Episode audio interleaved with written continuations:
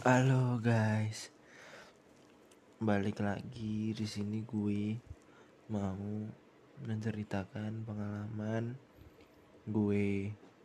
Jadi di sebuah hubungan itu pasti ada salah satu peran yang sangat penting, di mana peran itu sangat